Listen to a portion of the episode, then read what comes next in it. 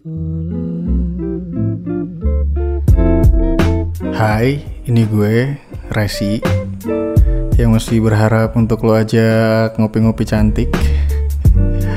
Yang masih berharap agar sesegera mungkin orang tua kita dipertemukan. Hari ini lumayan kemerungsung buat gue.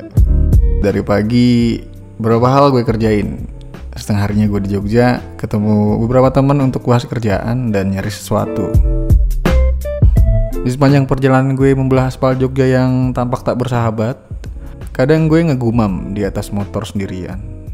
Soal kerja. Sejak kemarin kepala gue penuh sama pertanyaan soal itu. Soal bagaimana gue atau mungkin lo bingung harus ngapain. Bingung untuk memilih jalan ninja. Bingung apakah yang gue kerjain sekarang ini bisa jadi pegangan hidup di masa tua nanti. Kebingungan itu sebenarnya udah lama sih gue rasain sejak pandemi kemarin gitu. Tapi tau kenapa jadi bener-bener bergejolak di kepala gue beberapa hari ini. Apa jangan-jangan sekarang gue udah nggak ada yang nemenin ya? Iya. Terus uh, beberapa hari lalu gue dan temen gue ketemu sama salah satu klien yang kita handle sub digital marketingnya. Setelah selesai meeting kita ngobrol-ngobrol santai. Uh, gue mau nyoba mau nyoba ngulik soal bagaimana rutinitasnya setiap hari. Sebab menurut gue klien gue ini bener-bener memulai semua usahanya dari nol.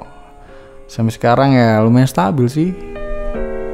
Bidang usahanya ada di F&B dan properti kesuksesannya itu bukan dari warisan bukan dari orang dalam bukan dari hal-hal yang tiba-tiba langsung jadi gitu ada proses di sana ada jatuh bangun di sana, ada air mata di sana. Pokoknya from zero to hero lah kalau bahasa motivator kelas kakap. Udah sebelum gue masuk lebih jauh, gue yakin lu punya versi sendiri arti dari kesuksesan itu apa. Beberapa orang bilang sukses itu hanya cukup dengan bernafas. Sukses itu bisa menikmati hidup dengan bersyukur. Sukses itu adalah beras yang tiap hari ada di dapur sukses itu cukup sederhana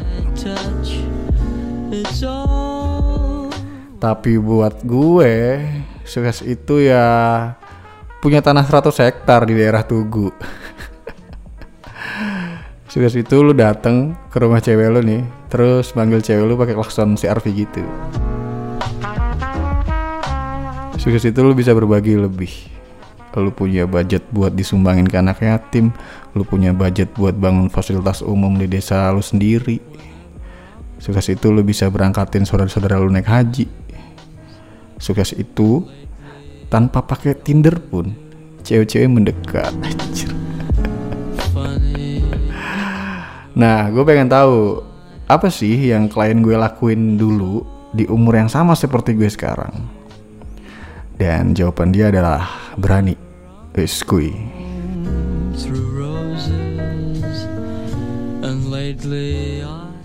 By the way bukan cuma berani doang ya, ada banyak pertimbangan yang berperan.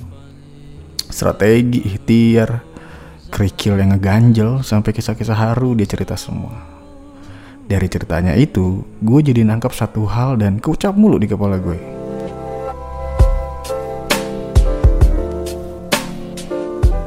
Jangan-jangan gue butuh di under pressure lebih gila lagi.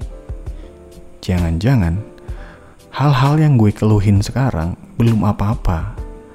Jangan-jangan gue terlalu ragu untuk melangkah, mengambil tindakan berani.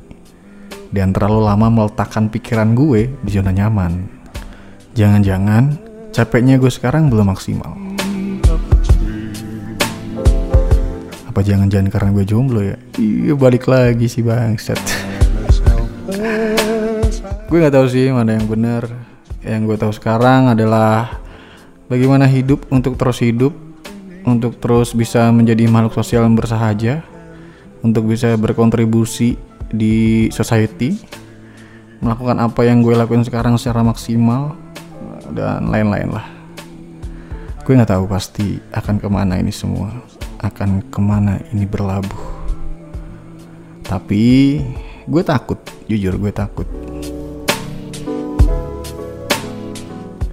Gue takut salah langkah.